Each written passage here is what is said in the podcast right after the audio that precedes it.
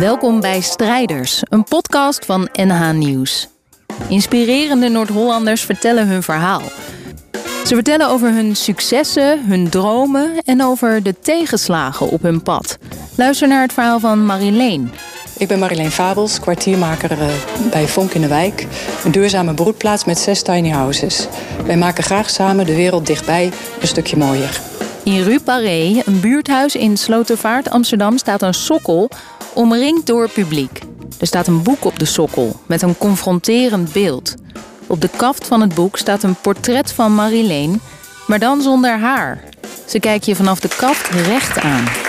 Marileen loopt naar de plek naast de sokkel en begint aan haar verhaal. Dit ben ik, bijna zeven jaar geleden. Ziek van de medicijnen en uh, kaal van de chemo. Mijn wereld was ineens heel klein geworden.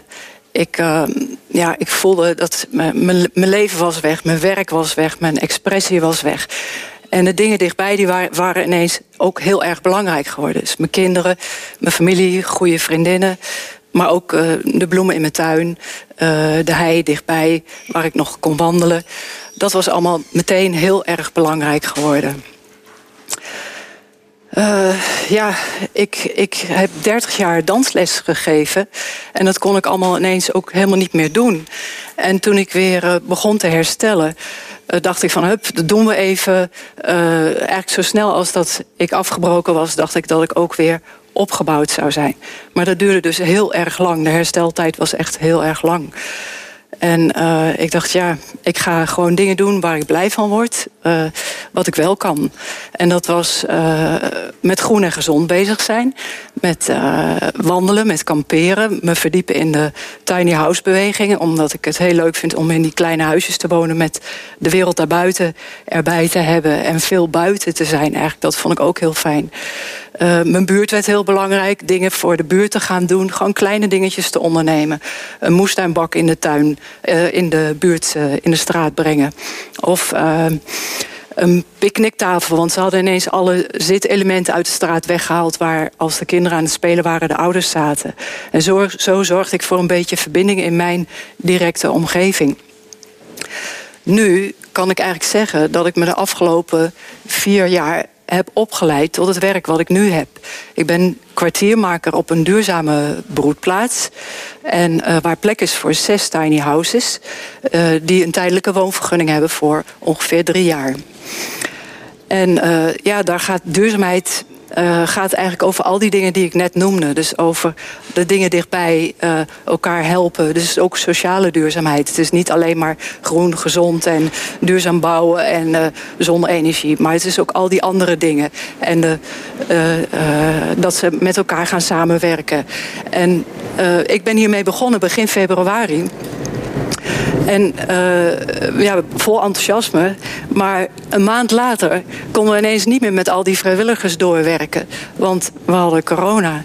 En ineens werd een hele andere setting, maar eigenlijk precies hetzelfde verhaal. Weer werd mijn beweegcirkel maar 500 meter. Ik, ik ging naar, van huis naar mijn werk 200 meter verderop. Naar de supermarkt 200 meter verderop. Naar de hei 200 meter verderop. Dus ik, ik kreeg zo'n gevoel van er herhaalt zich hier iets. En weer was het belangrijk dat ik contact had met mijn kinderen, met mijn familie, met mijn vriendinnen, omdat ik wilde weten hoe het met ze ging. En al die andere dingen die verdwijnen dan naar de achtergrond. Um, en ja, ik wilde ook gewoon dat, uh, dat mensen op die nieuwe werkplek waar ik nu zit, zich heel erg uh, thuis voelen. Want dat vond ik ook heel belangrijk. Dus de wereld werd weer heel erg klein. En dat is voor mij uh, een uitgangspunt op deze plek. Want in corona hebben we ook gezien dat de wereld steeds groter, groter, groter, groter werd. En uh, ja, het kan allemaal niet op. Maar uiteindelijk, als er een noodgeval is, als je ziek wordt of als de wereld een noodgeval heeft, dan wordt dichtbij heel belangrijk. Dus ik vind het heel belangrijk dat we samen dichtbij uh, uh, vieren, zeg maar. En uh, inmiddels voel ik me helemaal, helemaal thuis op deze plek. Want er gebeuren elke dag wel mooie dingen. Dus ik zei al van samen, samen de wereld mooier maken. Ik word heel vaak blij van iets wat op een dag gebeurt.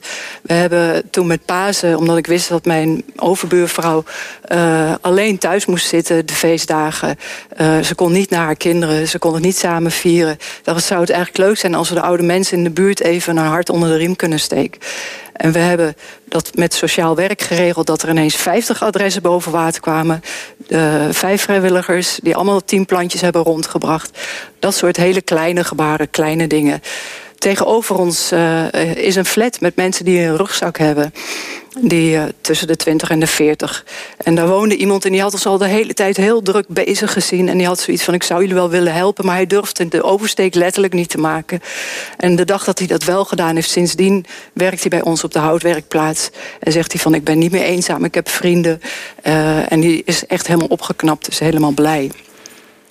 Op dit moment zijn we met een initiatief van, uh, van bewoners bezig, de Groene Loper. Want de wijk waar ik woon is super versteend. En we hebben nu ook deze zomer weer meegemaakt dat het dan heel heet wordt.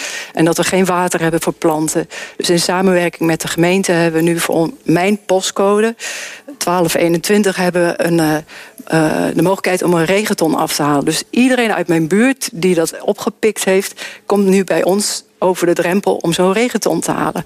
En dan hebben we weer een gesprek. Eigenlijk elk gesprek uh, op het terrein gaat over duurzaamheid. En duurzaamheid is eigenlijk een heel rijk begrip. Bij ons kun je het voelen, horen, zien, proeven en uh, meemaken, ervaren. Want ik vind het gewoon belangrijk dat je nu wat doet. En dat we nu iets met de duurzaamheid en het klimaat doen.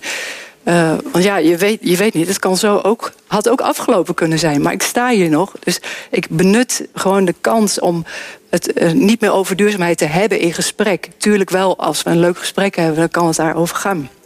Maar ik wil eigenlijk al dat praten erover stoppen, maar het gewoon doen en het laten zien. En, en uh, zorgen dat mensen zich thuis voelen, dat ze zich durven uitdrukken. Dat was ook altijd een item uh, in mijn dansles. Ik heb ook les gegeven aan doven. Uh, dit was mijn naamgebaar. Omdat ik denk, ja, zij voelen ook muziek, zij voelen ook een ritme, ze willen zich ook bewegen.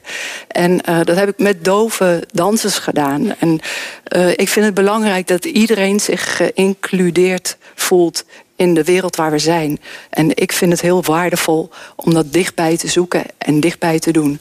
Want dat is wat er gebeurt als alles in elkaar stort. Dan heb je jezelf nog en je hebt je directe naaste. En dat vind ik heel erg belangrijk. Daar wil ik ontzettend graag mee doorgaan. En uh, ik voel me in ieder geval heel erg thuis. Nu, na zeven jaar op de plek waar ik ben. Dit was het verhaal van Marileen uit de serie Strijders van NA Nieuws. Abonneer op deze podcast zodat je vanzelf de nieuwe afleveringen krijgt. En alles over onze strijders vind je terug op nhnieuws.nl/strijders.